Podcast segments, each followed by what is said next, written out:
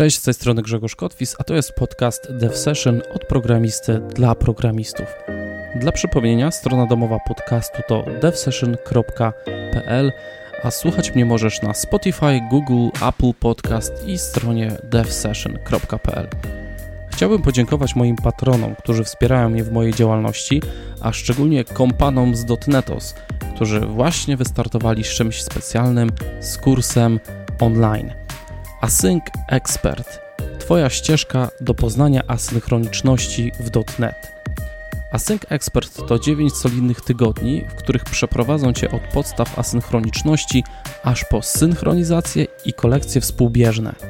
Spotkania live z mentorami, dostęp do platformy, na której toczyć się będą wszelkie dyskusje pomiędzy uczestnikami i prowadzącymi, dostęp do repozytorium z przykładami kodu, to wszystko dostajecie w pakiecie. Właśnie ruszyła sprzedaż tego kursu, która potrwa przez 14 dni, także nie przegapcie momentu, żeby zdążyć się zapisać. Wszelkie info znajdziecie na asyncexpert.pl asyncexpert.pl A mojego dzisiejszego gościa chyba nie muszę nikomu przedstawiać, prawda? Olej Kunysz znają wszyscy wyjadacze internetu. Ola jest programistką pełną pasji, szkoleniowcem, blogerką i propagatorką wiedzy na temat jakości oprogramowania. Temat podcastu wydaje się więc oczywisty. Wrogowie jakości. Temat ważny w każdym czasie. Zapraszam, bo będzie inspirująco.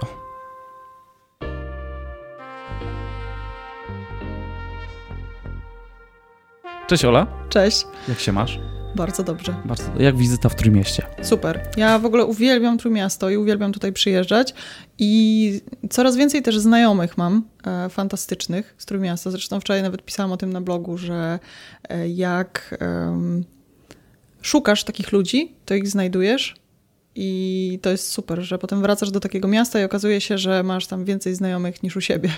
E, na stałe planujesz przeprowadzić się? Wiesz, że był taki pomysł i zastanawialiśmy się. E, nie wiem, na razie jest mi dobrze we Wrocławiu, może nie zimą, bo zimą zdecydowanie jest tutaj lepsze powietrze, ale e, no, kto wie. Dużo ludzi na wiatr narzeka. Ja już Mi się przyzwyczaiłem. Moja przeszkadza. siostra co zimę po prostu mówi, że się przeprowadza właśnie do Wrocławia na południe, bo tu jest Mhm. zbyt wiecznie. Kiedyś taka kampania była skierowana do programistów i widziałem takie chyba w Krakowie, że przeprowadź się do Trójmiasta i taki gość w takiej, wiesz, masce antysmugowej, coś tam, nie? I to było w ogóle z y, firm IT, nie? Mhm. Żeby tutaj y, pościągać y, ludzi. No nie dziwię się, bo to powietrze jest jednak, e, no, wpływa bardzo na nasze samopoczucie, zwłaszcza jeśli jest kiepskie, bo czasami nie, nie doceniamy tego, że coś jest po prostu fajne, ale wiatr mi nie przeszkadza. Ja dwa lata mieszkałam w Chicago i naprawdę przyzwyczaiłam się do wiatru. Aha. Na, a na rowerze? Jak jeździsz?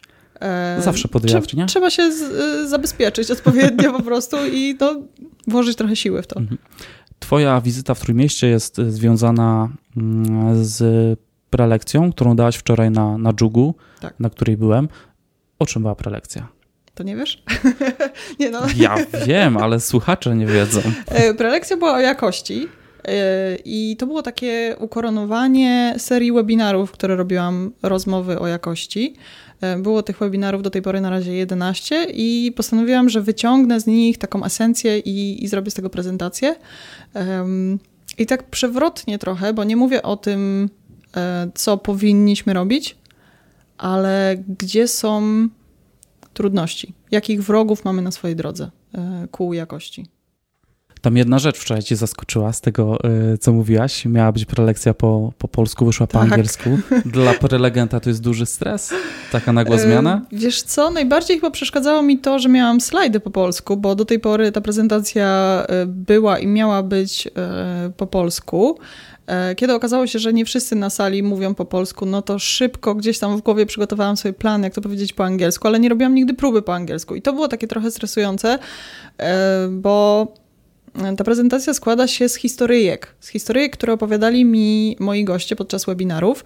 No i niektóre historyjki są łatwe do przetłumaczenia, ale na przykład jak mówię o Janusz Softach, to dzięki Bogu e, ci ludzie wiedzieli, co to, co to znaczy, więc nie musiałam tego tłumaczyć y, jakoś wnikliwie, ale e, no jest taki lekki stresik z tego powodu. Ale chyba wyszło całkiem nieźle, lepiej bym, mm, niż bym się spodziewała. Wyszło bardzo dobrze, powiem Dziękuję. No, były nawet takie, widziałem, że lekkie wśród odbiorców kontrowersje takie się pojawiały, mruczenia, takie wiesz, wzdechy nagłe, takie hmm, mm, mm-hmm. no trafił taki ci się jeden. E, tak, tak. Słyszałeś to? Przeszkadzało ci to? Jak ktoś tak na żywo, wiesz, E, komentuje. Nie, nie, bo to znaczy, że uderzam we właściwe struny, bo ta prezentacja, ona mówi o takich rzeczach bardzo niewygodnych, bo mówi o tym, że mamy trochę za duże ego i że nie lubimy pracować z kodem legacy, a to jest całkiem fajny kod. E, o tym, że się kiepsko komunikujemy. No i w zależności od tego, co kogoś tam najbardziej boli, to te, y, te wdechy i wydechy będą mocniejsze akurat w tych momentach. I na przykład e, ta dyskusja, która była po prezentacji, dotyczyła głównie kodu legacy, bo jak widać tutaj w Trójmieście e, to jest największa bolączka, ale nie wszędzie tak jest. I we Wrocławiu chyba więcej mówiliśmy o ego i o komunikacji, czyli po prostu mhm. wszystko zależy od tego, co kogoś boli na publiczności. No. Okej, okay, wrócimy do tego tematu, y, ale na początek standardowa sekcja tej serii Ja Programista. Chciałbym, żebyś opowiedziała, jak znalazłaś się w IT. Kiedy, wiesz, zakiełkowała ta myśl, idę w kierunkach, w kierunku technologii, programowania. Mm. Pamiętasz ten okres? Wiesz co, moja droga jest taka dość, yy, może nieprosta, E, bo, bo było tam wiele zakrętów, ale y, dość spójna, bo ja studiowałam informatykę, y, później pracowałam w takich technicznych zawodach, ale to nie było programowanie i pewnego dnia e, postanowiłam, że idę w to, idę na całość i, i zostaję programistką. Natomiast kiedy zaczęłam myśleć o informatyce przy wyborze studiów, bo wcześniej zawsze była matematyka i to było dla mnie coś takiego ważnego i ja chciałam iść na matematykę stosowaną, chociaż e, ta moja kreatywna półkula też dawała się we znaki, bo ja tam miałam e, takie rozkminki, czy tam iść na, wiesz, filologię polską, czy architekturę, czy sztukę, także miałam cały wachlarz. Na szczęście miałam genialnego matematyka w liceum, który mnie prowadził, ja też byłam na kole naukowym i mm, no, on tak trochę mnie popchnął w tę stronę chyba, żeby, żeby wybrać tę informatykę. Wtedy to nie było sexy. To nie było tak jak teraz, że było takie ssanie na rynku i wtedy było dosłownie kilka firm. Ja, ja pochodzę z Podkarpacia i no, mogłabym liczyć na pracę gdzieś tam w Tarnowie czy w, w Krakowie Max. I to nie były jakieś fajne e, mhm. miejsca pracy. A jakie to pracy. mniej więcej e, lata były? Jaki to okres? Oj, to jeszcze jest przed tym Web 2.0? to, jest, to jest chyba y, rok 2005, jak ja szłam mm -hmm. na studia, także... No tak, to, to, to nie było clouda, nie było niczego, ja i wszystko to było takie tak, tak. Jak powiedziałam mojej koleżance z ławki, że idę na informatykę, to y, mnie wyśmiała, dlatego że mieliśmy jednego takiego geeka w klasie i ona powiedziała, no to będziesz jak on. A to nie było nic takiego Przyniosła fajnego. ci koszulę flanelową. tak, dokładnie. Bo to, to, był taki y, gość, który y, jak myślimy stereotypowo, to właśnie koszula w kratę, pendrive w kieszonce i... Um, taka komunikacja na poziomie maszyny raczej niż, niż człowieka.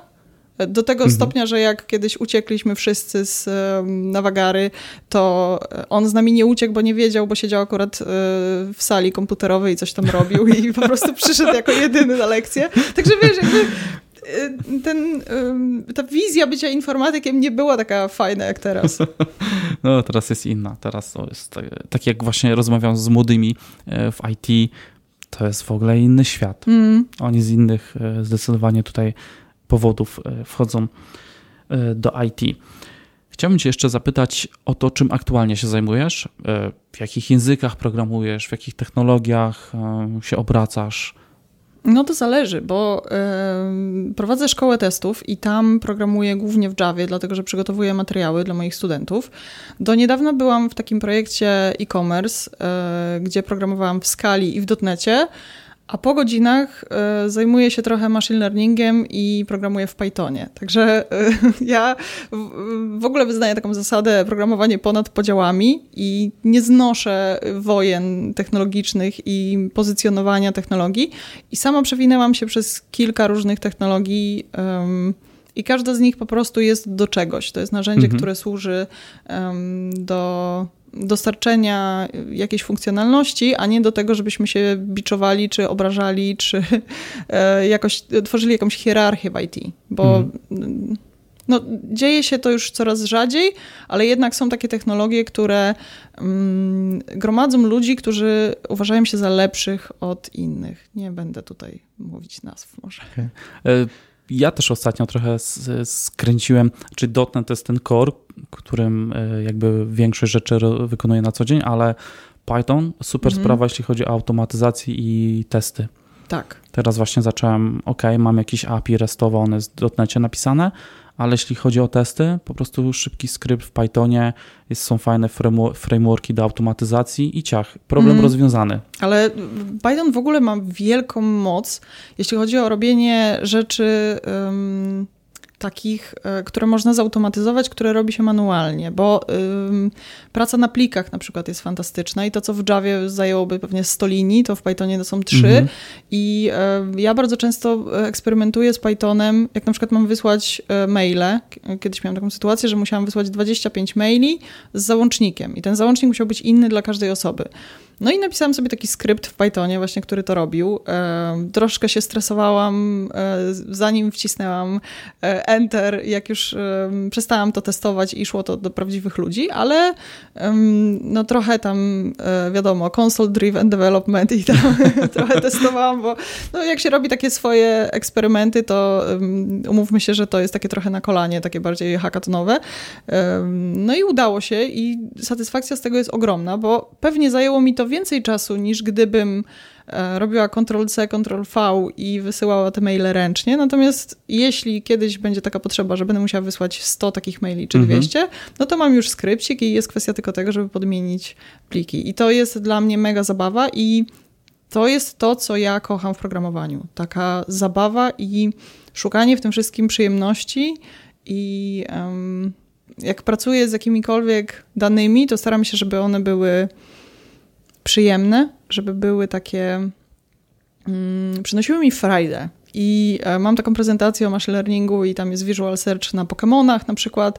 E, jak byłam jeszcze na studiach, to mm, robiłam analizę sieci e, znajomości superbohaterów Marvela i o tym pisałam też pracę jakąś, także staram się wybierać e, takie obszary, które są po prostu przyjemne do pracy. I wydaje mi się, że wtedy jest zupełnie inaczej i też e, jak robię jakieś swoje projekty takie petshopowe, to staram się dobierać do tego biznes. I to nie w takim sensie, że tam to już musi być super poważne, tylko żeby to był jakiś prawdziwy scenariusz. Bo ja jak wchodzę do jakiegoś tutoriala i tam jest fubar albo klasy, które się mhm. nazywają inner, outer, to się trochę męczę z takim kodem. I sama staram się nie robić tego i też jak, um, jak robiłam swój kurs, to dużo wysiłku mnie to kosztowało, żeby wymyślać scenariusze, ale wydaje mi się, że dużo łatwiej jest je później wytłumaczyć, bo to są jakieś prawdziwe kawałki biznesu. Nawet jeśli to jest uproszczony biznes, albo nie wiem, jakiś taki związany z, z jakimiś śmiesznymi rzeczami, to, to ludzie to po prostu czują bardziej. Mhm.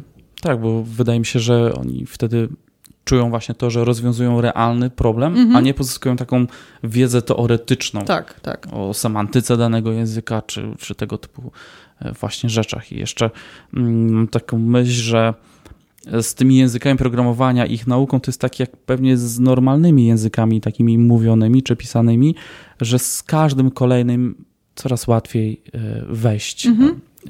poznać jego semantykę, tak jak to się tam pisze, Oczywiście zderzamy się z innymi problemami, nie? tak jak Jasne. w Pythonie, machine, automatyzacja, ale to jest właśnie fajne, że wydaje mi się, że ja zbyt długo siedziałem na przykład tylko w dotnecie, w C-Sharpie, teraz już to się mocno u mnie e, zmieniło, ale mogłem to wcześniej e, jakby nie powiem, że zaryzykować, ale mhm. spróbować, nie? Tak, tak. Wydaje mi się, że y, my bardzo poważnie podchodzimy do naszej pracy i nie robimy takich eksperymentów. E, takich rzeczy, które są nikomu niepotrzebne i robimy je mhm. tylko dla, dla własnej przyjemności. I ja jak zaczęłam coś takiego robić, to zakochałam się na nowo w programowaniu, bo ja miałam taki moment, kiedy trochę otarłam się o wypalenie i już myślałam, że ten świat nie jest dla mnie, że ten zawód może niekoniecznie i że zacznę, nie wiem, robić meble z drewna albo coś podobnego.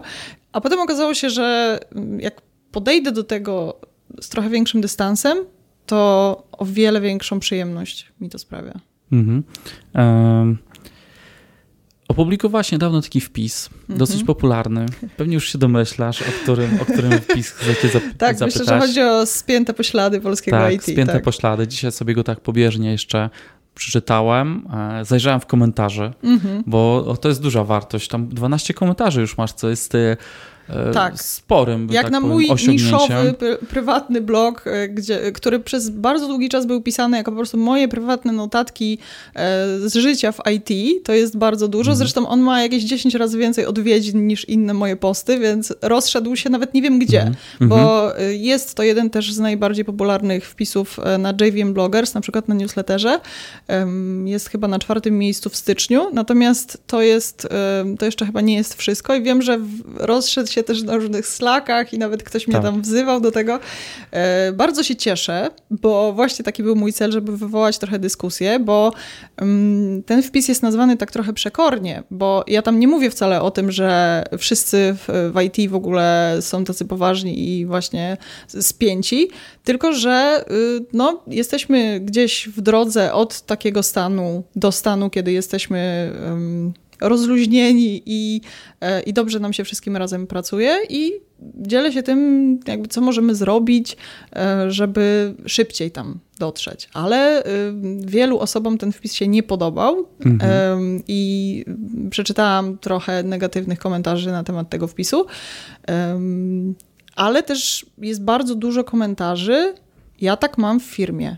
I to jest bardzo ciekawe, że te komentarze nie pojawiają się w takich miejscach, um, właśnie gdzie wylało się na mhm. mnie wiadro e, krytyki, bo hejtu nie spotkałam chyba takiego typowego, tylko raczej, że ktoś tam się po prostu ze mną mhm. nie zgadzał. Mm. Ale y, pod artykułem faktycznie pojawia się sporo takich komentarzy, że bardzo jest smutne to, że ja akurat mam taką sytuację i ludzie dzielili się jakimiś swoimi historiami ze swoich projektów. Czyli, że takie wpisy są jednak potrzebne. Mhm. Zastanawiam się, jak, e, jeśli zachodzi taka sytuacja, jak sobie z nią radzić. No, to wiadomo, można być przez przypadek tą ofiarą, nazwijmy mm. ją, można być osobą trzecią, która po prostu się temu przygląda, no i można być tym, nazwijmy go, oprawcą, który wprowadza ten e, zły, durny e, klimat mm -hmm. w zespole. Pal licho, jak to jest taka osoba, która nie jest liderem, o ile go można nazwać liderem. Najgorzej mm. jak to jest lider, nie? który po prostu... Przełożony nazwijmy przełożony, to, to rzadko jest lider. No, mm. Lider to w ogóle by się kłóciło e, z tym, ale ciężki... Nie trafiłem na szczęście mm -hmm. na, mhm. na, na, na, takie aż... E, patologię, no, nazwijmy to. To ma też um, różną intensywność. To nie jest tak, że są tylko takie osoby, które są super otwarte i wspierające mm. i takie osoby, które są okropnymi po prostu hejterami, tylko gdzieś tam jest całe spektrum i czasami możemy robić komuś krzywdę, nawet nie uświadamiając sobie tego. Yy, ale no, ja mówiłam też o tym wczoraj, bo było kilka takich pytań, a co jeśli ktoś w projekcie nie chce pisać testów, albo co jeśli ktoś o, w projekcie nie umie się komunikować? Właśnie. I Prawda jest taka, że możemy zmienić tylko siebie.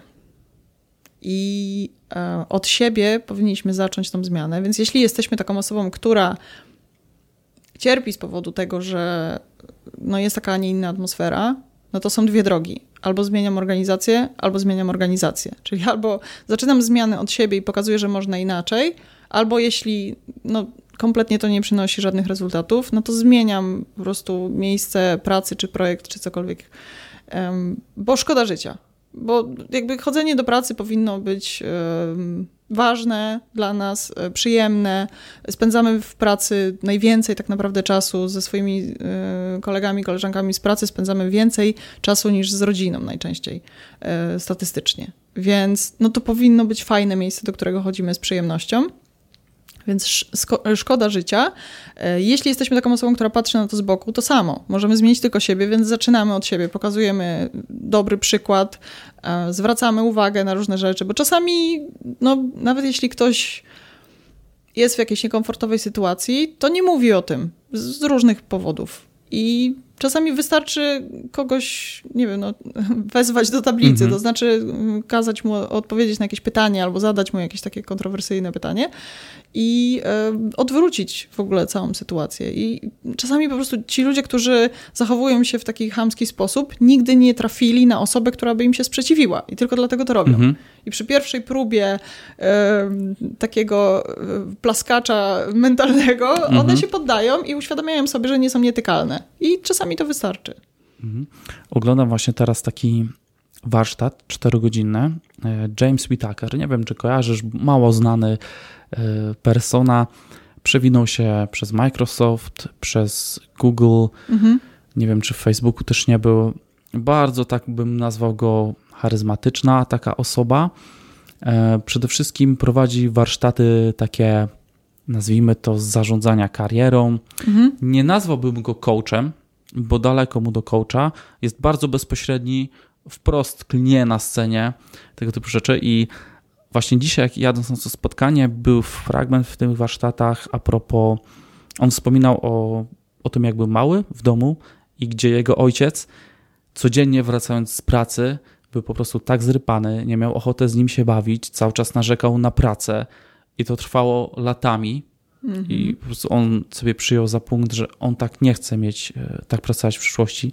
Tak jak mówił, życie jest za krótkie po prostu, żeby się babrać E, w takim bagnie, żeby tak. i to jeszcze właśnie rozprzestrzenia się na najbliższe osoby. Tak, no ktoś, ktoś płaci tą cenę. Mhm. I, I, to widać, to czuć. Nawet jak ja mam jakiś gorszy dzień, to od razu to e, przekłada się na dzieciaki i tak dalej.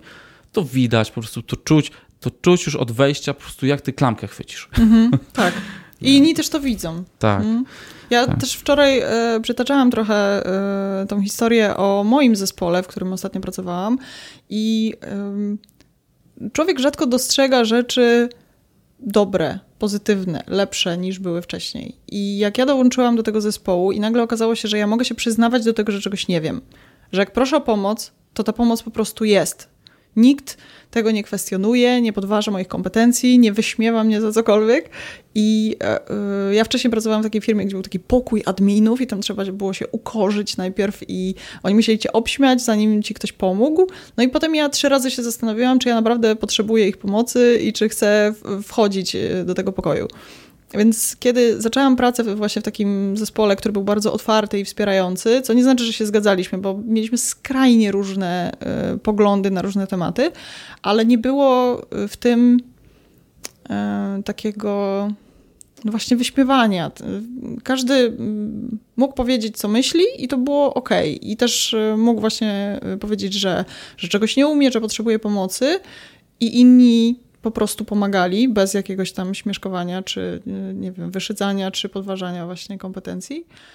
I to jest tak ogromny komfort psychiczny i człowiek się tak rozwija w takim środowisku i mm, ten, ten kod, który wychodzi spod palców i, i ten produkt, który trafia na produkcję jest zupełnie innej jakości. To jak komunikacja wpływa na jakość produktu, to jest niesamowite. Ja no, mogłabym o tym godzinami mówić mm -hmm. tylko na ten temat.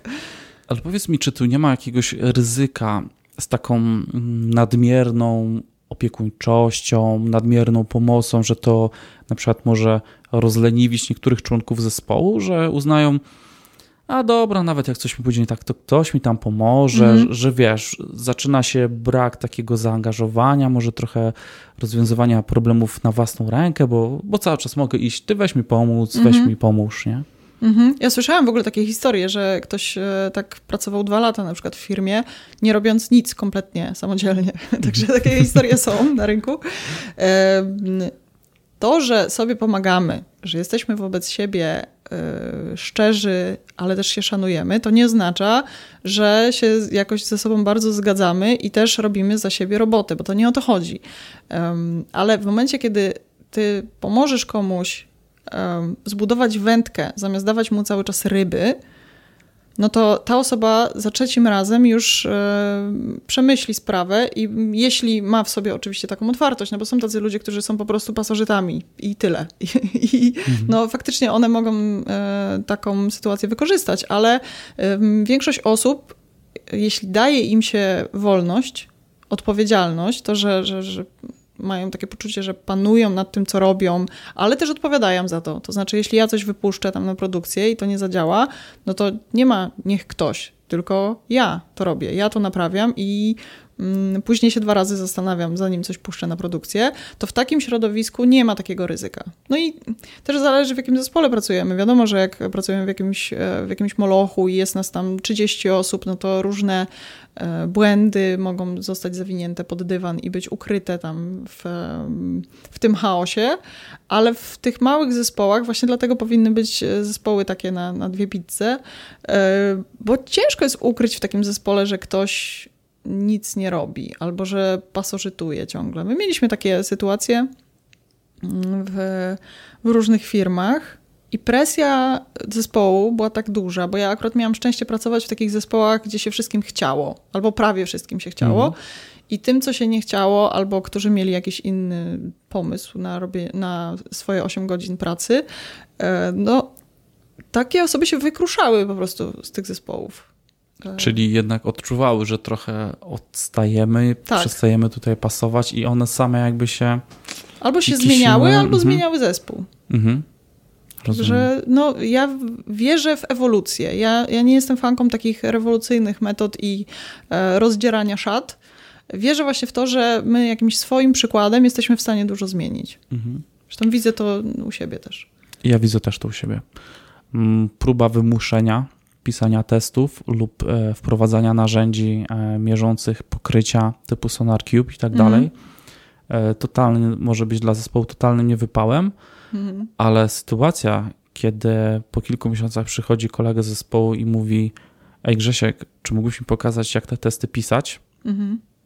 To jest dla mnie sygnał, że wiesz, no nie powiem, że zewangelizowałem. No, ale trochę jest, tak. Ale, ale to, to widzę, że po prostu ja robiłem swoje, tak jak mówisz, zacząłem od siebie, piszę testy, piszę testy, co jakiś czas podrzucam informację, że taki test pozwolił coś wykryć albo jakiś błąd, coś naprawić już zanim to poszło na produkcję, albo że przede wszystkim testy mi przyspieszają pracę. Mhm. się nie bawię w głupie debagowanie, odpalanie, stawianie środowiska. E, I to jest taki, wiesz, wiesz, że robisz dobrze. Tak, nie? tak. Nie, tak. że tam wprowadzić narzędzie, zainstalować, które będzie, wiesz, z takim page'em nad tobą stało. Batem nad I, zespołem. I z tego ono zacznie pluć mailami, on wysłać na Slacku. To spływa po prostu, nie? Mhm. Jeśli ludzie nie Jeśli, chcą no... tego, nie potrzebują tego i jakoś nie, nie identyfikują się z tą misją, czy jakby to nazwać, to... Yy nic z tego po prostu nie będzie. Wczoraj też doszliśmy do takiego wniosku, że jak najłatwiej zmusić programistów do robienia czegokolwiek. Zakazać im tego, bo oni, e, znaczy oni, my, rzadko, rzadko robimy rzeczy, które nam ktoś każe i narzuca z góry. E, ja jeszcze jestem takim no, doskonałym przykładem, bo ja się bardzo źle odnajduję w hierarchiach wszelkiego typu i mm, praca w korporacji była dla mnie bardzo trudnym doświadczeniem. E, no to jak ktoś mi coś narzuca i każe, to fatalnie to znoszę. Więc faktycznie, gdyby ktoś powiedział, Ola, założę się, że ty to nie napiszesz testów, albo Ola, nie pisz testów, bo zabraniamy, to myślę, że, mm -hmm. że pierwsza bym pisała. Tutaj mógł się sprawdzić taki element, y, to się chyba nazywa gamifikacja. Mhm, gamifikacja, tak, tak, kiedy wprowadzasz, tak, tak, tak. Grywalizacja. Grywalizacja. O, nie gamifikacja, mhm. tylko grywalizacja. W swoich ostatnich treściach y, skupiłaś się właśnie mocno na, na jakości mhm. oprogramowania, na, na testach. Y, dlaczego akurat właśnie ten kierunek? To jest ciekawe pytanie ale chyba uderzyła mnie taka rzecz, bo ja zrobiłam kiedyś prezentację o wydajności. Potem zrobiłam prezentację o testach, bo wydawało mi się, że nie ma takiej prezentacji kierowanej do juniorów, midów, tylko wszyscy chcą, ponieważ my się rozwijamy, więc wydaje nam się, że wszyscy wiedzą to, co my wiemy i nie wracamy do tych podstaw. No i ja stwierdziłam, że wrócę trochę do tych podstaw i zrobię taką prezentację. I jak e, mówiłam właśnie o wydajności, mówiłam o testach, to spotkałam się z takimi opiniami, a bo ty QA-em jesteś, nie? I to był dla mnie taki moment, aha, czyli jak już mówi się o jakości, to znaczy, że masz taką rolę i nie możesz być ani deweloperem, ani no, nikim innym w zespole, tylko musisz być e, testerem, czy kimś, kto zajmuje się jakością. Mhm. No i ponieważ e, jestem dość przekorną osobą, to stwierdziłam, że o, to jest, to jest miejsce dla mnie i zaczęłam się bardziej tym zajmować i widzę, że to przynosi jakieś rezultaty, bo um, ja też jak przedstawiam się e, w swoich materiałach dotyczących e, jakości, to zawsze mówię, cześć, jestem Ola i jestem programistką. I widzę, że to już przynosi jakieś rezultaty, bo ludzie kojarzą to, że są programiści, którzy zajmują się jakością. I bardzo dużo ciekawych projektów się w ogóle rodzi z tego, bo to nie jest taki popularny temat wśród programistów. Mhm. Jest, taka, jest taki płot, który mamy i przerzucamy z jednej strony na drugą, właśnie odpowiedzialność za jakość. Mhm. Skoro jakość to nie ten QA, to kto jest odpowiedzialny za jakość? No, wszyscy. wszyscy jesteśmy. E, dlatego, że to nie jest jakieś takie abstrakcyjne pojęcie, jakiś KPI, który mamy. Wiadomo, że jak. Um, chcemy się zabrać za jakość i chcemy, żeby nasz cel był smart i chcemy to jakoś mierzyć, no to wprowadzamy takie miary typu pokrycie kodu testami. Albo y, no, różne takie historie, właśnie jakieś sonary i tak dalej. No i wiadomo, że to, co mierzymy, to rośnie, więc rośnie na przykład code coverage, co nie znaczy, że mamy wyższą jakość, bo no, to nie zawsze idzie ze sobą w mhm. parze. Jeśli mamy jakiś zespół, który y, składa się z kilku osób i wszystkie te osoby są na równi um, odpowiedzialne i mają takie poczucie, y, że są właścicielami tego projektu, no to to się nawet może udać. Ale w momencie, kiedy to się rozprasza, no to ludzie zaczynają no, spełniać KPI po prostu, a nie myśleć nad tym, co się stanie, jak, jak będą pisać kod lepszej jakości, czy dbać o, o, o testy, o jakość tych testów, a nie o ilość. No bo jak wprowadzamy code coverage, no to co idzie na pierwszy rzut? No getery, setery, konstruktory. Dokładnie. To, co najłatwiej e, Dokładnie. pokryć i najłatwiej po prostu zapewnić tam to, to pokrycie. Jeszcze jak mamy generator testów. Dokładnie. Weźmy nam klaskę. Czu, czu, czu, tak. No, e, Marcin Grzejszczak kiedyś opowiadał taką historię, jak E, wyrzucił taki dość duży kawałek kodu i większość testów dalej była zielona, no bo tam wszystko było już mm. poustawiane, więc nie było mhm. problemu. Mm. Testy sobie działały niezależnie od kodu i no zdarzają się takie sytuacje. Mm. Ale to dobry, kiedyś miałem dobrą sytuację, bo miałem gdzieś w open source'owym projekcie, pisałem testy i zmieniłem po prostu o jedną dziesiątą coverage, no ale to już było raportowane jako fail. Mhm. Po prostu wiesz, jakaś jedna dziesiąta czy jedna setna, coś się zmieniło i dostałem po prostu najlepszą wskazówkę. Po prostu usuń ten kod. Mhm. Może no to tak, jest niepotrzebne. No. I czasem po prostu tak niewiele trzeba, staramy się zapewnić jakieś pokrycie, dodajemy nowe testy, ale nikt, albo może mało kto się zastanawia nad tym, czy to nie jest dead code, mhm. czy to mhm. jest kod jeszcze używany na produkcji. Mhm. Bo w projektach, które żyją 5-10 lat, martwego kodu można naprawdę masę spotkać. Tak. rzadko kto, zmieniają się product ownerzy, zmieniają się konsultanci, deweloperzy, dokumentacja oczywiście nie żyje i można naprawdę takie zakamarki znaleźć, e, klasy nietknięte od kilku lat, w których mm. nic nie było robione i oczywiście takie e, elementy są ciężkie czasem do znalezienia, ale czasem sam rzucam na Slacku, słuchajcie, czy ktoś w ogóle w tym obszarze, tą klasę, ktoś coś robi, ktoś wie, do czego ona służy?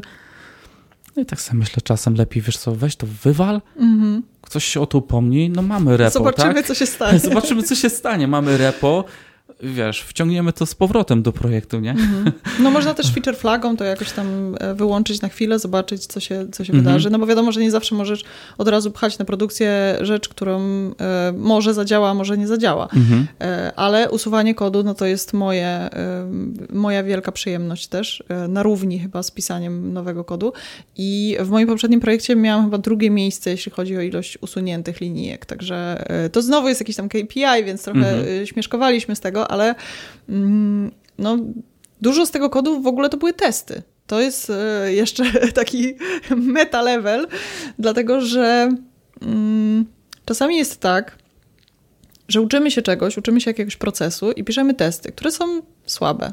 Ale my się uczymy, więc to jest dobre ogólnie, że piszemy te testy.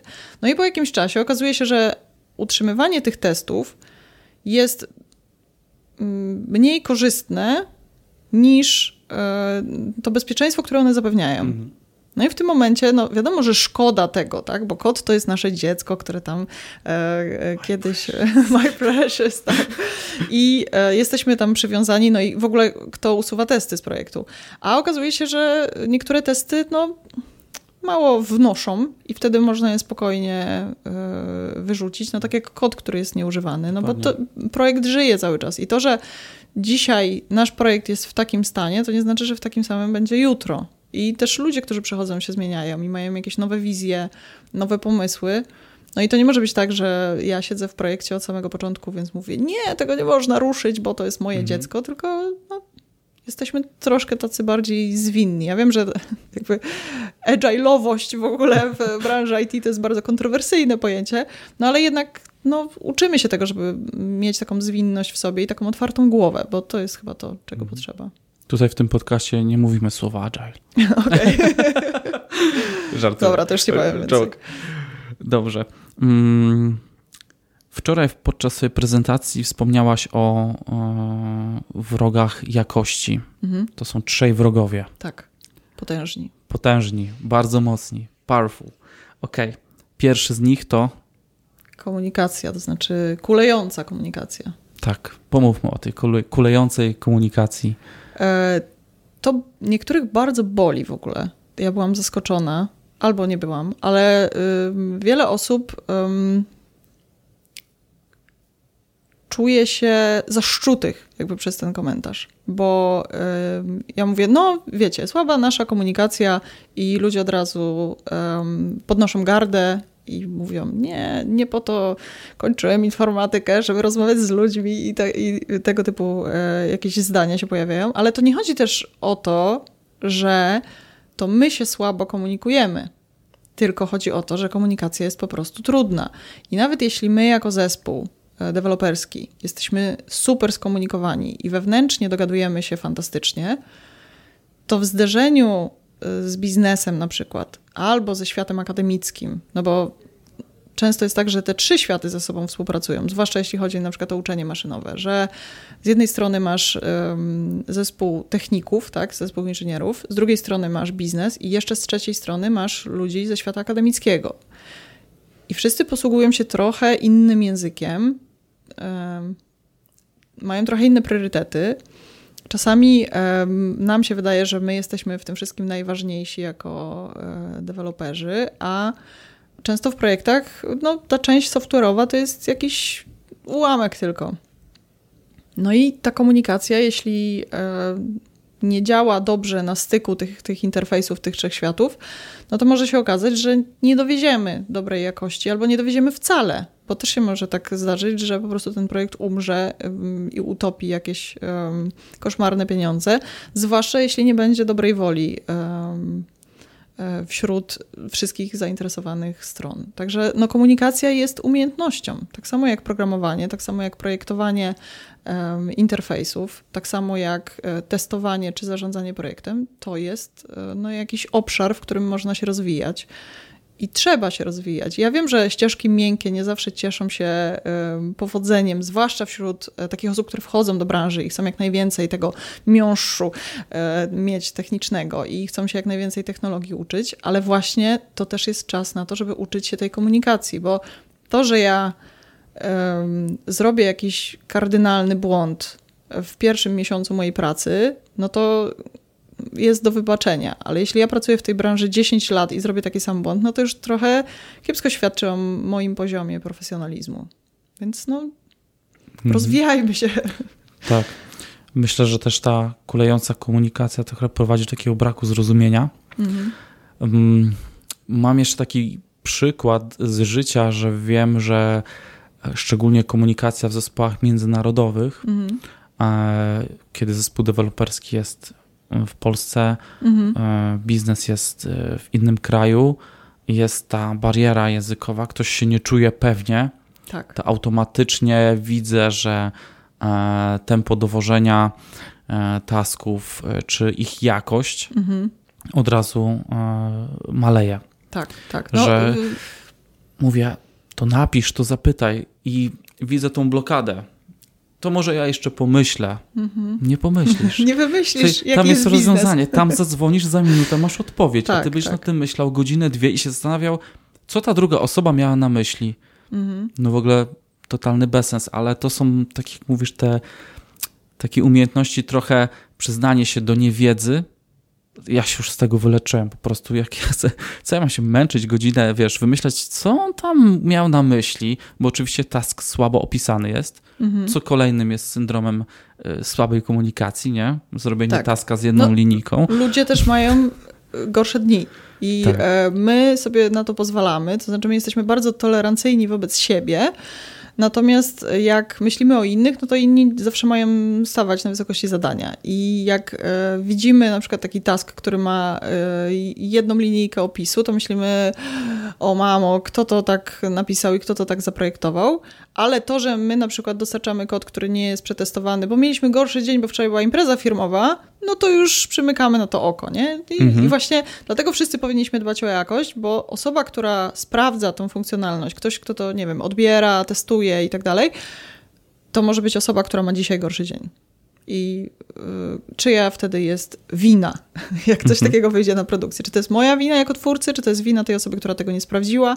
No, ja w ogóle nie jestem fanką mówienia o, y, o tym, kto jest y, winny i odpowiedzialny, dlatego że moim zdaniem odpowiedzialni są wszyscy. E, I ta osoba, która robi na przykład code review, czy sprawdza coś, jest na równi odpowiedzialna za daną funkcjonalność, jak ta osoba, która to stworzyła. I w momencie, kiedy ta, ta, ta odpowiedzialność jest taka wspólna i my nie czujemy tego, że mm, ja kończę development, kod wychodzi spod palców i wypuszczam go i w tym momencie już o nim zapominam. Niech ktoś. Niech ktoś mhm. to sprawdzi, niech ktoś to zweryfikuje, niech ktoś powie, przybije taką pieczątkę, e, e, to jest dobre. Mhm. Nie ma czegoś takiego. No po prostu my musimy za to odpowiadać mhm. jako twórcy. Wiesz co, mnie niesamowicie wkurza sytuacja. E, zapewne też się z nią spotkałaś, kiedy jest task, jest opisany, mm, ktoś mnie pyta, wiesz co, nie do końca rozumiem. Ja mu mówię, wiesz co, wydaje mi się, że to będzie tak i tak, ale upewnij się, po czym na przykład ta osoba nie komunikuje się i robi, nie powiem, że na złość, ale a zrobię tak, jak opisał. Mhm. Bo to on tak napisał, a niech ma. Niech ma. Niech ma, niech będzie odpowiedzialny za to, co napisał. I sobie myślę, kurna, czy my jesteśmy w przedszkolu, no. jak dzieci na podwórku, że robimy sobie na złość? Przecież jesteśmy tu w jednym celu, nie? Tak. Pracujemy, robimy biznes, chcemy zarabiać hajs. Nie? Chcemy dostarczać dobrej jakości I, i rzeczy. skąd to się bierze. Raczej mam jakieś wrażenie, że to są właśnie te takie braki w komunikacji, w jakichś takich, wiesz, e, miękkich e, aspektach. Mhm. Nie w Ale też komunikowanie się drugim językiem e, nie jest trywialne. Jeśli ja mówię z tobą po polsku i ja jestem w stanie prawie wszystkie jakby swoje myśli przelać w słowa, to jak mówię w swoim drugim języku, czyli na przykład po angielsku, czy kiedyś na przykład pracowałam w niemieckojęzycznych projektach, to tam to w ogóle było e, bardzo trudne, żeby wyrażać swoje jakieś tam opinie czy myśli, to to jest bardzo okrojone. No i w momencie, kiedy spotyka się po jednej stronie osoba, która mówi w swoim drugim języku angielskim i po drugiej stronie też nie pojawia się native angielskiego, tylko też pojawia się osoba, która mówi w drugim języku, to może się okazać, że my tak no, nie trafimy z tą komunikacją i ona y, będzie taka kanciasta, Zwłaszcza jeśli ktoś y, no, kuleje w takich miękkich umiejętnościach i nie ma w sobie mhm. właśnie takiego, takiej otwartości, tego, żeby chcieć się dowiedzieć, a nie zrobić, aha, to tu mam, y, tu prawdopodobnie popełniłeś błąd, to ja to wypuszczę na produkcję, to potem będziemy się z ciebie śmiać, bo to ty wymyśliłeś taką bzdurę. Nie? No, mhm. przedszkole, tak jak mówisz, ale um, to ma.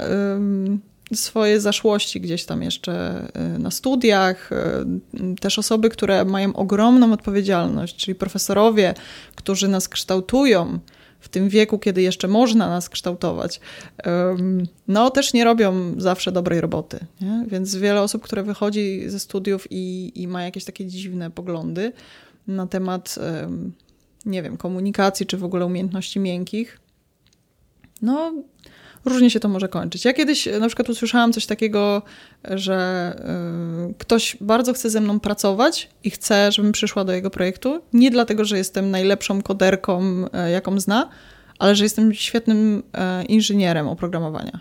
I to było dla mnie takie, o kurde, to było, to było duże, nie? To, mhm. Że ktoś docenił to, że ja co prawda nie piszę kodu najszybciej na świecie i nie jestem najbardziej techniczną osobą w pokoju, ale całość zamykam, nie? że ja potrafię dostarczać rzeczy, yy, sprawiać, że rzeczy się dzieją i że to ląduje na produkcji i jeszcze w tym wszystkim jakoś yy, nie ma tego zwalania winy na siebie nawzajem. I, i uznałam, że no, skoro to jest moja supermoc, to tutaj będę się rozwijać i też to będę przekazywać dalej, żeby uczyć innych. Drugim mocnym wrogiem, bardzo mocnym wrogiem jakości jest legacy. Mhm. Jak definiujesz legacy? nie jest legacy, tylko nasza niechęć do legacy. A niechęć do legacy. O tak. co ja robię na tej prezentacji? e, dlatego, że mm, jak szukamy słowa legacy, zwłaszcza jeśli szukamy obrazków. Jak się robi prezentację, to często się szuka obrazków i e, kiedy wpisuje się w e, wyszukiwarkę obrazkową e, legacy, to pojawiają się same piękne rzeczy. Pojawiają się budynki, antyki, meble, e, no, dzieła sztuki, po prostu same cuda. Natomiast kiedy idzie się do IT i mówi się legacy, to wszyscy mają gęsią skórkę, ale nie taką z ekscytacji, tylko taką, o Boże, nie. I my mamy ten syndrom taki e, niezrobione u nas trochę, że wszystko musimy robić sami własnymi rękami i najlepiej po swojemu i po prostu wszystko nowe i, i, i nie z tamtego roku, tylko z tego roku. E, a no kod Legacy to jest taki kod, któremu się udało.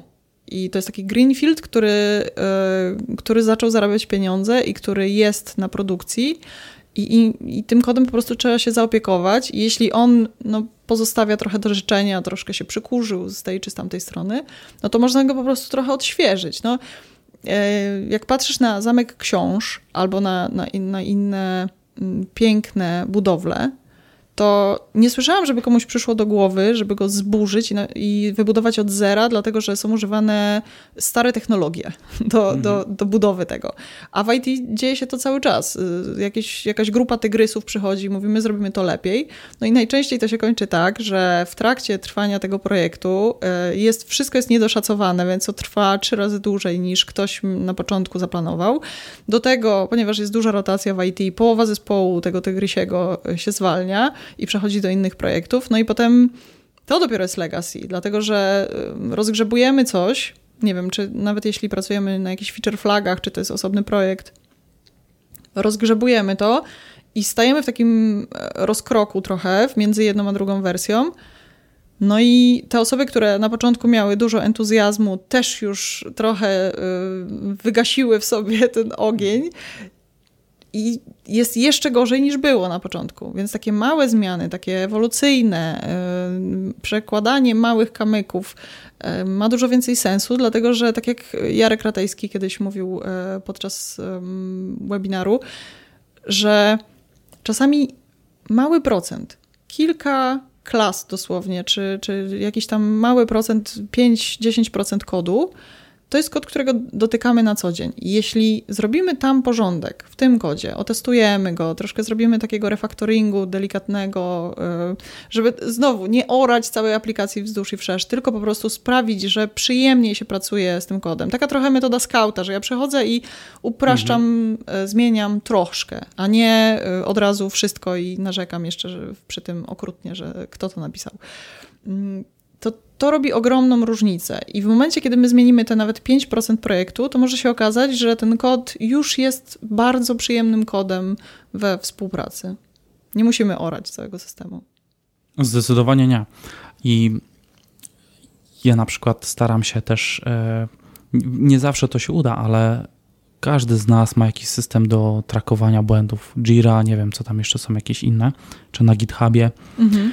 E, labele, czyli te takie e, oznaczenia mm, kategorii błędu, mhm. po prostu ponazywaj komponenty systemu, typ błędu, czy to jest performance, czy, czy cokolwiek, czy nule i tak dalej. Po jakimś czasie można bardzo szybko wychwycić, które części systemu są najczęściej takie, wiesz, najbardziej bagowalne mhm. i jakie, jakie to są rodzaje błędów. Bardzo szybko można wychwycić, który komponent w systemie najbardziej kuleje, najczęściej ktoś go tyka. Na zasadzie poprawia w tym miesiącu, za miesiąc znowu wraca ten błąd, ktoś poprawi i, i to tak się czasem, wiesz, pingujemy się, tak, mhm. taki ping-pong z tymi błędami jest. Można bardzo szybko namierzyć, e, które te części systemu są takie wymagające tego właśnie małego refactoringu i się może okazać, że siędzie ktoś na dzień, dwa mhm. i potem macie spokój. Mhm. A zespoły latami się po prostu przebijają z, z tymi samymi błędami. Tak, tak. Bo my rodzajem, y, często idziemy na y, konferencji, na, jakiegoś, y, na jakąś prezentację i tam ktoś mówi o błędach na przykład, albo jakieś um, naukę wyniesioną po 10 latach z czegoś, technologii X, czy, czy jakiś praktyk, czy jakiejś architektury. I dowiadujemy się podczas tej prezentacji, że nasz projekt jest zły. To znaczy, że no, ma kiepską architekturę, czy tam e, jakieś e, nie idziemy tak jak trzeba, że mamy złe wzorce projektowe, czy nie jesteśmy DDD i w ogóle. I chcemy to wszystko zmieniać, dlatego że ktoś powiedział, że tak będzie dobrze. E, bez w ogóle przepuszczania tego przez ten filtr naszej, naszego projektu. I właśnie zakopujemy się w tym bez myślnie i, i, no, rzadko to ma sens, bo nie ma czegoś takiego jak uniwersalny scenariusz każdego projektu związanego z wytwarzaniem oprogramowania. Tylko każdy projekt jest trochę inny i wiadomo, że trzeba się uczyć i trzeba się rozwijać i trzeba szukać nowych możliwości, bo nie jesteśmy e, ciągle, wiesz, w Javie 1.6, chociaż niektóre e, korporacje gdzieś tam utknęły i mamy nowe możliwości, mamy e, nowe technologie. E, ale to też nie można się dać zwariować, że idziemy w sobotę na konferencję, a w poniedziałek e, wrzucamy mhm. na produkcję e, jakiś nowy framework, bo ktoś powiedział, że on jest fajny. Mhm. Też podczas tej pracy z Legacy Codem jednej rzeczy się nauczyłem, dosyć chyba takiej ważnej, żeby po prostu nie oceniać mhm. tego kodu, kto go tak napisał, dlaczego tak, bo to było w innym punkcie czasu. Ja mhm. nie wiem, czy ta osoba nie pracowała w sobotę o 23, tego nie pisała, bo szef kazał, mm. a może nad ten kawałkiem kodu pracował jakiś junior, któremu po prostu ktoś dał taką, wiesz, krecią robotę, weź tam coś, mm -hmm. coś dopisz, bo nikt nie chciał tego tykać. Mm -hmm.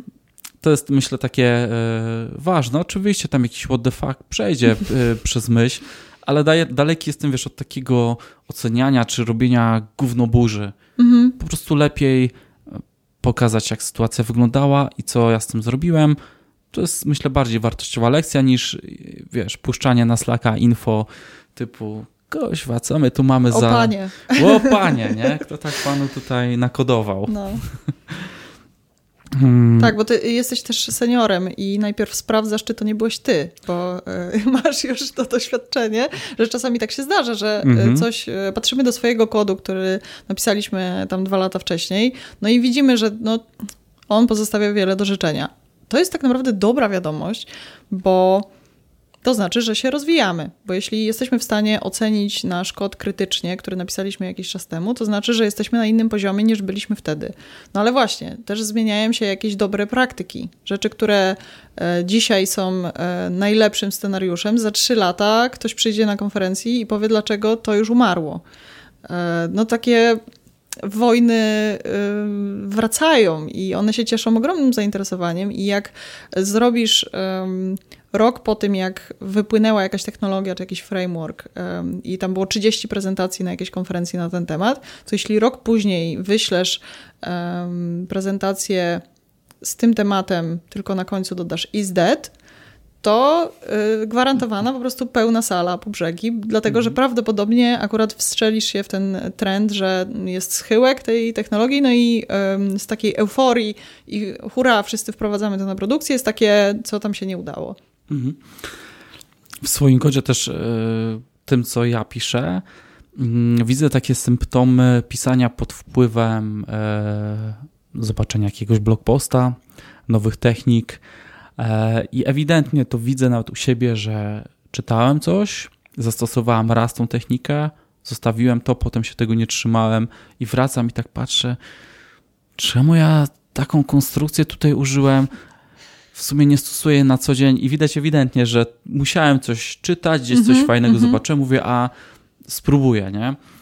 No nie wiem, czy takie próbowanie jest fajne, czy nie. No, no tak się uczymy. No. Tak się, Musimy tak eksperymentować uczymy, trochę, bo inaczej będziemy w kółko pisać tylko e, w jednej architekturze. Chociaż zastanawiam się, czy teraz te osoby, które po prostu wyszły ze studiów, nauczyły się, wiesz, pisać tak w sposób imperatywny i tłuką to 10 lat, czy, czy nie mają lepiej? Po prostu, wiesz, tak jak kupiły sobie jeden wałek do malowania ściany, tak sobie na biało tą ścianę 10 lat malują mm.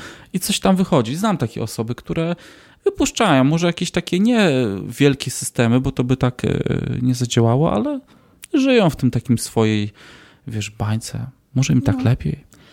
Na pewno, no, im, im na pewno. Ja jestem gdzieś tam, staram się być e, pośrodku tego, to znaczy nie rzucać się na nowinki, ale też e, nie kostnieć, to znaczy rozwijać się w jakichś tematach takich, które są dla mnie ważne. E, no i wiadomo, że to zawsze jest taka walka e, wewnętrzna. E, co jest gotowe, żeby to poeksperymentować z tym na produkcji, a co powinno zostać w moim pet shopie i, i, i gdzieś tam w moim takim projekcie po godzinach. No, to jest trudne po prostu. No, nie ma dobrej odpowiedzi na to pytanie, gdzie jest ten złoty środek, bo możesz być taką osobą, która chce pracować, mieć święty spokój, po prostu mieć pracę um, pod tytułem piszę kod, e, wracam do domu i robię coś zupełnie innego i to pisanie kodu po prostu no, kupuje mi zakupy, tak? A może być y, tak, że to jest twoja pasja i y, jeszcze jesteś na przykład taką osobą, która chce być jakimś trendseterem, pracujesz w takiej firmie na przykład, która kreuje trendy na rynku, no i no, to jest twoja praca, żeby śledzić te nowinki. No i kto ma rację? no, każda sytuacja jest trochę inna i, i, i, nie można mówić, że e, wyrzucanie się na każdą nowinkę jest złe, ale też nie można mówić, e, że no, wszyscy tak powinni robić, bo no, każdy ma swój rozum, my jesteśmy dorośli, e, ktoś nam płaci za to, co robimy i no, powinniśmy trochę używać tego e, naszego e, narządu do myślenia w, też w takim szerszym kontekście, nie tylko przy samym pisaniu kodu, ale też podejmowaniu po prostu decyzji. Trzecim wrogiem, mhm. arcywrogiem, Oj. powiedział, jest ego. tak, mój ulubiony wróg. No, to, to, o czym rozmawialiśmy przy okazji tych, tych spiętych pośladów, nie? że my tak czasem za bardzo myślimy o sobie, że jesteśmy magikami. Jesteśmy trochę rozpuszczeni jako branża tymi owocowymi wtorkami, e, piłkarzykami w biurze i, i przekonaniem, że, że masaże. Tak, nie, już nie będę dalej wymieniać, bo e, no, są różne e, benefity. E, firmy no, ewidentnie starają się mm, nas przyciągnąć, bo jest rynek pracownika, więc my też tak uważamy, że jesteśmy jakimiś magami czy e, rycerzami walczącymi ze smokami. A prawda jest taka, że jesteśmy no, inżynierami, takimi rzemieślnikami I, I, troszkę więcej skromności by nam się przydało, takiej pokory. E, I też te wojny, które toczymy, na przykład o wyższości technologii X nad technologią Y i tworzeniem jakiejś hierarchii, e, która. To nawet nie chodzi o technologię, tylko programiści, której technologii są lepsi, a którzy są gorsi i tak dalej. No to jest. To jest wszystko kwestia tego ego, że, że, że my zbyt poważnie traktujemy pracę, no bo to jest praca. To. Um, nie wiem, no może za mało pracowałam w innych branżach, ale wydaje mi się, że w IT jednak bardzo się utożsamiamy e, z pracą, e, z technologią, w której akurat jesteśmy w danym momencie, e, z firmą, którą reprezentujemy i słyszałam nieskończoną ilość razy na konferencjach takie walki na śmierć i życie, na argumenty. Oczywiście żadna ze stron nie była gotowa na żaden kompromis i chodziło tylko o to, żeby po, po prostu powymieniać się e, argumentami bez słuchania tej drugiej strony, tylko po prostu, żeby wylać z siebie to, co ja uważam w danym momencie, bo ja przecież mam rację. a ty możesz z tym żyć albo nie. Myślę, że nadszedł taki moment, żeby się w końcu narazić słuchaczom. Mhm. I ci powiem, że mam wrażenie, że środowisko dotnetowe jest bardzo takie um, otwarte na rozmowy. Tam nie ma takich wojenek. Nie wiem, z czego to się bierze. Może tak po prostu kultura, żebyśmy tak wokół tego Microsoftu, mhm. ale odkąd zacząłem się trochę e, rozglądać na innych forach, mhm. to mam wrażenie, że w Javie tam jest po prostu ogień. Tam jest ogień i jest więcej takich e, osób, które lubią tak wbijać, wiesz, e, szpilki w mrowisko. To widać po sposobie odpowiadania e, na forach, na pytania, na nawet takie pytania podstawowe bardziej, nie? Mhm. E, nie wiem, czy to tak, e, czy ty to potwierdzisz, czy masz takie obserwacje. Może to, nie wiem z czego to wynika. E, naprawdę, może dlatego, że ta Java w tym Enterprise trochę wcześniej była, może do nas to w dotnecie gdzieś tam e, przyjdzie. Było, było czy... na pewno dużo więcej opcji i, i, ludzie po prostu zaczęli się polaryzować jakoś dużo wcześniej, ale też miałam przez jakiś czas podobną obserwację i jak pojechałam na pierwszą konferencję, która wywodziła się e, ze środowiska dotnetowego na DevConf do Krakowa, to miałam takie wrażenie, wow, jak tu jest bardzo tak pragmatycznie. Tak mało jest takich właśnie wojen ideologicznych, mało jest takiego filozofowania, tylko po prostu jest jak robić rzeczy. I to um, zrobiło na mnie ogromne wrażenie. A potem się okazało, że w środowisku javowym też są takie miejsca i też są tacy ludzie, mhm. tylko zawsze najgłośniej słychać tych, którzy Wiadomo, krytykują. Nie? Dokładnie. I, I, jak właśnie ktoś e, przewaga właśnie ten, ten impact tej krytyki zawsze właśnie gdzieś tam wypływa bardziej i szumnie jest o tym, o tym mhm. gdzieś tam na forach i no, y, ja y, staram się być y, ponad podziałami i ja eksperymentowałam z różnymi technologiami i też gdzieś tam pojawiam się w community różnych technologii. Uwielbiam środowisko railsowe. Ono w Polsce jest maleńkie, ale no fantastyczne są i spotkania, i praca z, z tymi ludźmi na jakiejkolwiek płaszczyźnie jest bardzo przyjemna. Python E, jak e, poznaję kogoś z Pythona, to też mam takie wrażenie, że e, no to są bardzo otwarci ludzie, ale znowu, no pytanie, jaka jest statystyka, nie? Bo mhm. no, ja też um, przyciągam może innych ludzi przez to, że ja spotykam się z jakimiś konkretnymi osobami i te osoby mają takich, a nie innych znajomych. Każdy z nas jest w jakiejś bańce. I e, no ciężko jest powiedzieć, że ludzie w tej technologii e, są tacy, a ludzie w tej technologii są tacy.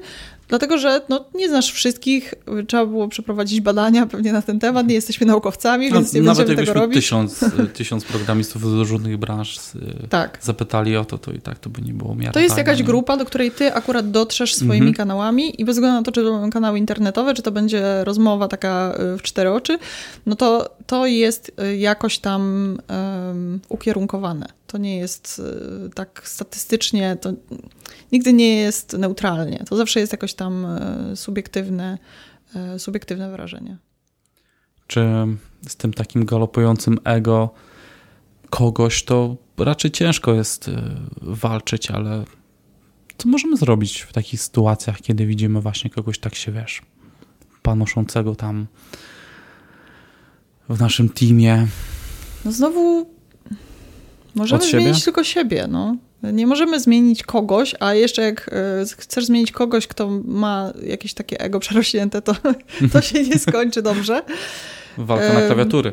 E, tak. E, wiesz coś, takie środowisko ogólnie wymusza takie rzeczy. Ta presja, presja środowiska i ja jak robię jakiekolwiek projekty, teraz e, robimy to wyzwanie pisania testów do open source e, i ludzie, którzy dołączają do Slacka, ja i mentorzy, którzy, e, którzy biorą udział w tym wyzwaniu, staramy się wprowadzać tam taką luźną atmosferę. Tak pokazywać, że hej, jesteśmy tutaj, żeby zrobić coś fajnego. To nie jest tak, że ktoś nad tym stoi i my jesteśmy jakoś tam mamy władzę czy cokolwiek, tylko po prostu y, skrzyknęliśmy się, że, żeby zrobić coś fajnego i może się okazać, że ktoś, kto dołącza do tego wyzwania w ogóle jest, wiesz, y, ma więcej doświadczenia niż my, ma, jakieś, ma jakiś inny punkt widzenia, który gdzieś tam może być lepszy. Znaczy nie, nie chcę tutaj jakby mhm. używać jakichś porównań, ale to nie jest tak, że my tutaj y, jesteśmy menedżerami tego. Y, bez spiętych pośladów. Bez spiętych pośladów, dokładnie. I y, pierwsza na przykład wiadomość, którą ja wysłałam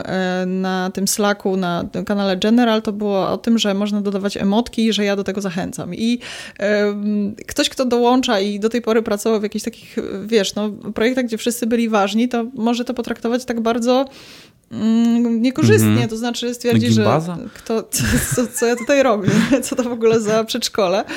E, no ale no, ja staram się tak robić i staram się tak działać i my na przykład w moim ostatnim projekcie używaliśmy mnóstwo emotek i gifów, również w pull requestach i no było super. I mm, to jest, każdy z nas lubi dostawać jakąś pozytywną informację zwrotną, natomiast rzadko ją dajemy. I w momencie, kiedy budujemy taką kulturę, która jest oparta na pozytywnym przekazie, nawet jeśli tam jest jakiś y, konstruktywny y, feedback, to jeśli y, przekazujemy to w taki sposób z szacunkiem do, do tej osoby, której to dajemy, to, to ciągle będzie taki pozytywny przekaz. I te łapki w górę, to takie powiedzenie dobra robota, nie? Jakiś gif z, z zadowolonym kotem czy cokolwiek, to jest coś takiego, co właśnie nas trochę tak rozluźnia, tak puszcza to powietrze i nie jesteśmy już tacy ważni, bo możemy śmieszkować, mimo tego, że e, nie mamy już, wiesz, 16 lat, nie? Mhm. E, zaproponowałeś wczoraj na prezentacji mm, taką nową definicję e, QA. Mhm. Mogłabyś powiedzieć? To nie jest e, moja definicja, ale tak. E, Kuba Marchwicki podczas e, webinaru mówił, że podczas jego, jednego z jego projektów mówiło się, że QA to jest Quality Ambassador. To nie jest ktoś, kto sprawdza, mhm. tylko to jest ktoś, kto zwiększa świadomość um, na temat jakości w projekcie. Fantastyczna moim zdaniem mhm. definicja. Zmienia w ogóle. O, zmienia wszystko. Wszystko zmienia. Mhm. Dlatego, że y, przestajemy y, grać w tą grę obwiniania się, po której stronie mhm. leży odpowiedzialność i przerzucania tego z jednej strony na drugą, tylko y, zaczynamy grać w jednej drużynie. I ta osoba, która jest odpowiedzialna za jakość, ja słyszałam wiele razy takie zdanie, że testerzy są upierdliwi, nie? I ja moim zdaniem to fantastycznie, bo jeśli ja tworzę kod, no to ja go testuję też trochę w taki sposób, żeby potwierdzić, że napisałam dobry kod. Nie? To, jest takie naturalne, że my rzadko stajemy w opozycji do samych siebie.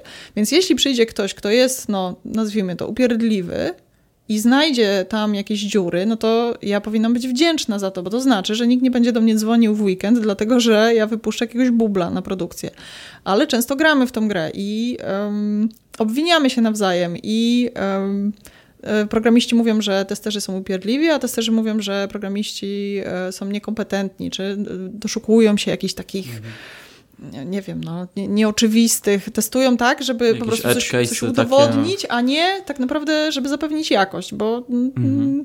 Wiadomo, że trzeba być kreatywnym, natomiast e, jak zaczynamy sobie udowadniać rzeczy w ogóle, to, to do niczego dobrego nie prowadzi, bo właśnie mamy ten jeden cel. Mamy cel taki, żeby dostarczyć soft dobrej jakości na produkcję. I kiedy myślimy o e, QA-ach jako o ambasadorach, no to to są ludzie, którzy grają z nami w jednej drużynie, a nie przeciwko nam, tak jak to często mamy w głowie. Mhm. I ta gra która jest też taka niefajna, jak się pojawiają zespoły testerskie, a zostawię to testerom. Mhm. Nie? Czyli w ogóle nawet u, u programisty nie przechodzi jakikolwiek check e, w postaci unit testów, integracyjnego testu, czy manualnie chociaż przeklikania, mhm. tylko taki wiesz, na szybko, na szybko. Psychologia Jestem taka, no. bardzo pewny, bo przecież jestem programistą. No, nie po to mi płacą tyle pieniędzy. No. i a przepchnę, zobaczę, nie? Z, mm. A zobaczę, czy wykryją, -hmm. zobaczę, czy są dobrzy. No to jest to, o czym mówiłeś wcześniej, nie? A zrobię tak, jak, jak mi powiedziałeś, żeby udowodnić, że miałeś zły pomysł. Nie? -hmm. e, Ola, czy są takie projekty albo sytuacje, kiedy my możemy sobie pozwolić na obniżenie standardów jakości? Mam tu na myśli może jakieś takie proof of concept, może jakieś. MVP, może jakieś inne sytuacje. No pewnie. E, ja wiem, że jestem kojarzona ze szkołą testów i z tym, że, e, że ja mówię o testach dużo i o jakości, ale to nie jest tak, że ja do wszystkich swoich projektów piszę jakieś niesamowite ilości testów i jak biorę udział na przykład w hackathonach, e, czy robię sobie jakiś projekcik swój na boku, no to najczęściej tam nie ma testów wcale, albo jest jakaś taka symboliczna ilość.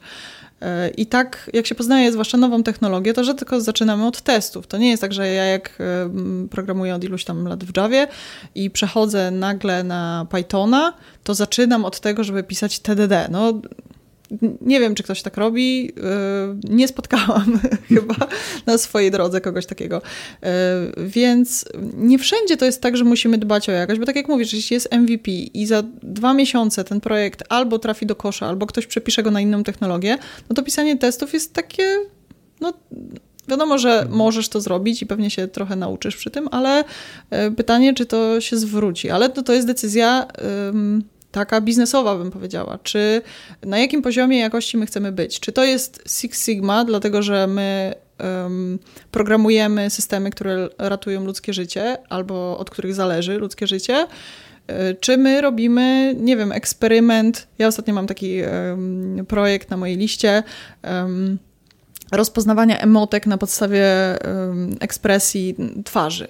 E, machine learningowy projekt.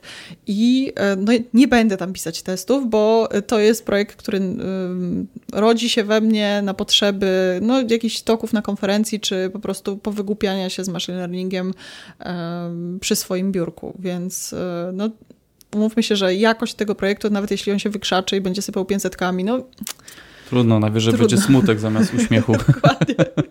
Albo jakiś error, nie? jeśli tak, ktoś tak. będzie miał wczorajszą twarz. No. Mhm. Dobrze. Zbliżając się powoli do końca naszej rozmowy, chciałbym Cię zapytać o plany Twoje mhm. na obecny czas, na, na nadchodzącą przyszłość. Na czym będziesz się skupiała teraz? No, to jest trudne pytanie.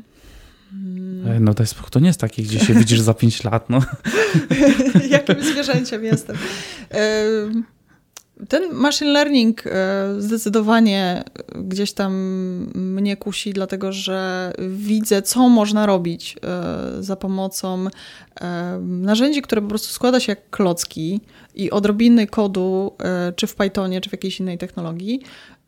I ta, ta prostota tworzenia fajnych rzeczy mnie kusi Natomiast ten temat jakości też ciągle e, jest dla mnie bardzo interesujący i im więcej mam tych webinarów i im więcej prezentacji i po tych prezentacjach też zawsze są jakieś ciekawe dyskusje i ludzie się dzielą swoimi jakimiś scenariuszami ze swoich projektów, e, to na pewno też e, w tę stronę będę szła i mam już listę gości moich webinarów w zasadzie do końca roku albo dłużej. Ale też e, ostatnio zaczęłam nagrywać rozmowy nie o kodzie. To znaczy z ludźmi z IT, ale bez programowania, testowania mhm. i, i rozmawiania o e, tworzeniu oprogramowania ogólnie. Mm, nazywałam je e, roboczo rozmowami pierdololo. To jest cytat, znaczy moja koleżanka tak to, to kiedyś nazywała i bardzo mi się to spodobało, bo to dokładnie są takie rozmowy, które nie są jakoś tam ukierunkowane, ale pokazują, że ludzie w IT robią coś poza pracą. I wydaje mi się, że jest to potrzebne, dlatego że przez to, że my właśnie bardzo poważnie traktujemy swoją pracę, przez to, że praca jest naszą pasją i czasami ten ogień po prostu w nas płonie i nas spala i potrafi nas wypalić. I ponieważ ja sama otarłam się o wypalenie zawodowe, to widzę, że trzeba pokazywać po pierwsze to, że coś się nie udaje, że popełniamy błędy. Po drugie, jak trudna jest droga z punktu A do punktu B i ludzie, którzy, którzy chcą coś zrobić, widzą tylko tych lepszych od siebie, a nie widzą tych, y, którzy są na tym samym poziomie, czy gdzieś tam poddali się po drodze. Y, I, I, ten syndrom oszusta gdzieś tam, gdzieś tam się w nas rodzi. I to też jest, y, to też jest powód, że no, te, ten ogień gdzieś tam przygasa w nas. E, no i takie właśnie życie po pracy, że to nie jest tak, że my się definiujemy jako programiści w życiu. To jest to, co robimy e, z wielką przyjemnością, ale ciągle robimy to, żeby zarabiać pieniądze. Natomiast jesteśmy takimi no, istotami społecznymi, które gdzieś tam mają swoje zainteresowania, swoje rodziny, swoje pasje inne niż, e, niż programowanie i, i nawet jeśli one są online, czyli to nie jest e, jakaś czynność taka, y, którą, nie wiem, jakieś chodzenie po górach, jeżdżenie na rowerze, czy, y, czy crossfit, tylko to jest gdzieś tam online, no to ludzie też robią różne ciekawe rzeczy właśnie w sieci, które nie są kompletnie związane z ich mhm. zawodem. I wydaje mi się, że pokazywanie takich rzeczy jest bardzo ważne, no bo trochę właśnie mhm. uchodzi z nas to powietrze i pokazujemy, ej, bo my jesteśmy takimi w zasadzie całkiem normalnymi ludźmi. Tak w sumie to mało tego pokazujemy, bo każdy tak stara się, no jestem programistą, no to będę pokazywał rzeczy o programowaniu. Mhm. Ale w sumie jak prowadzę taki profil na Instagramie, to ja wiem, czy oczywiście jak mam jakiś cel biznesowy, to mogę tam się kreować na, w jakichś tematach programistycznych i tak dalej. Ale w sumie czemu nie pokazywać, nie wiem, spaceru z psem, gadać o ptakach, mhm. o lesie, o crossficie, o jeździe na rowerze. Dokładnie. Nie? Taki, wprowadzić troszkę taki właśnie bardziej ludzki czynnik, bo często jest to chyba taki trik, zapytaj kogoś, e, kim jesteś. To najczęściej ludzie identyfikują się przez zawód. Jestem mhm. programistą. Tak, tak. Zapominając tak. o tym, że przede wszystkim, nie wiem, jesteś może ojcem, mężem, e, studentem. No, no rozumiesz, takie tak. bardziej po prostu ludzkie rzeczy, nie ten, nie ten zawód, nie to tak, programowanie. No jesteś Grześkiem, nie? a ja Dokładnie. jestem Olą i to nie znaczy, że od razu jesteśmy programistami i to jest mhm. e, e, taki e, pierwszej kategorii nasz e, mm, określenie nas jako ludzi, tylko po prostu robimy mnóstwo fajnych rzeczy i wydaje mi się, że jak tak mm, opuścimy tą pracę mentalnie, to właśnie okazuje się, że robimy bardzo fajne rzeczy i warto to pokazywać. Powiedz jeszcze naszym słuchaczom, y, gdzie można w sieci Cię spotkać. Oj, wszędzie. wszędzie. Ja jestem bardzo, bardzo społecznym zwierzęciem. Jestem także najłatwiej chyba na, na Twitterze, yy, ale jestem też na Instagramie, na LinkedInie, mam bloga, bloga Szkoły Testów, ale jeśli ktoś yy, znajdzie mnie na Twitterze, to znajdzie wszystko inne, bo tam w zasadzie okay. są linki. Czyli blog, blog Ola Kunysz, Szkoła Testów online. Tak. Taka jest domena. Dobrze. Dziękuję Ci bardzo za przyjęcie zaproszenia do podcastu. Dziękuję, było mi bardzo miło. E, życzę Ci wszystkiego dobrego i mam nadzieję, że jeszcze spotkamy się kiedyś i porozmawiamy. Tak, może y, nie o jakości, tylko o czymś innym. Zobaczymy. Chętnie. Cześć. Dzięki, cześć.